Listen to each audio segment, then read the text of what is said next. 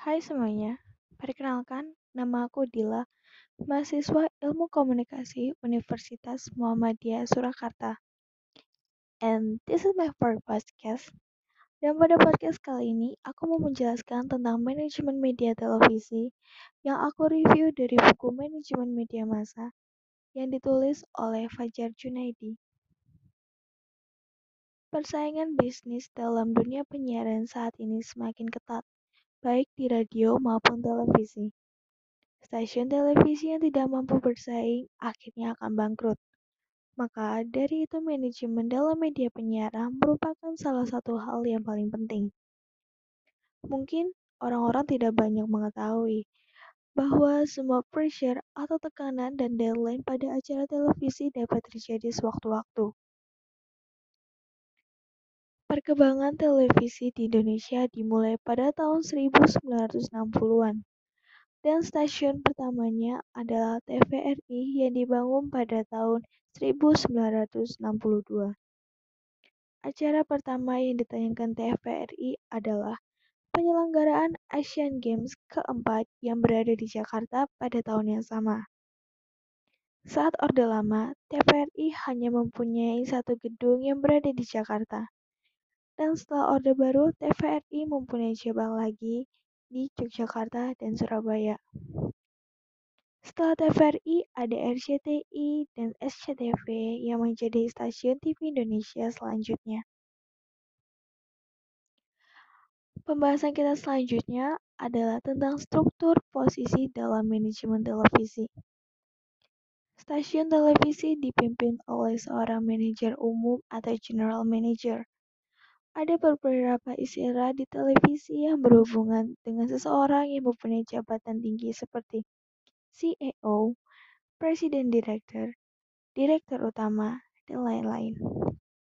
Kalau kalian pernah mendengar Dewan Direksi, dia adalah seseorang yang mempunyai jabatan yang paling tinggi di stasiun televisi.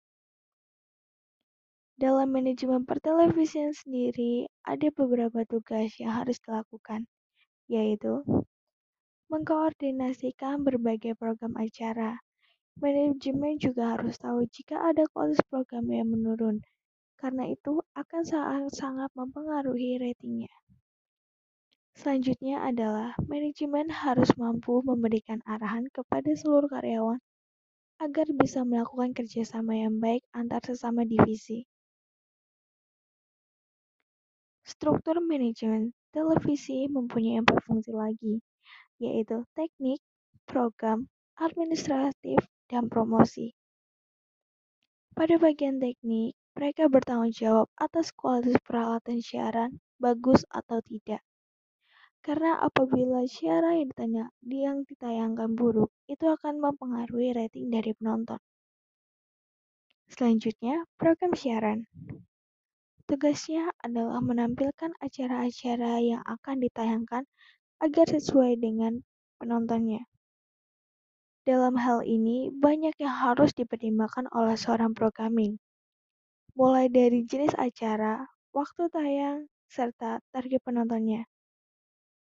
Yang ketiga adalah dari pemasaran dan penjualan. Divisi ini yang merencanakan bagaimana acara-acara TV dijual kepada para pengiklan karena akan sangat-sangat disayangkan jika ada suatu acara yang bagus tetapi tidak diiklankan dengan baik. For the last, ada administrasi.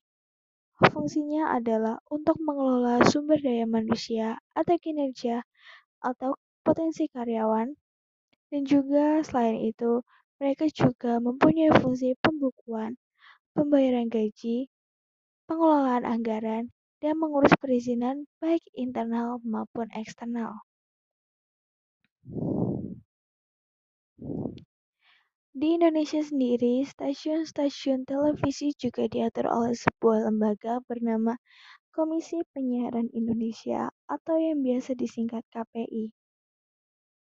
Secara umum, tugas KPI adalah lembaga yang memberikan perizinan kepada stasiun TV baru untuk dapat beroperasi. Selain itu, KPI juga mengatur apakah sebuah acara yang ditayangkan di sebuah stasiun TV layak atau tidak. Oke, selesai juga podcast aku hari ini. Thank you for listening and see you for my next podcast.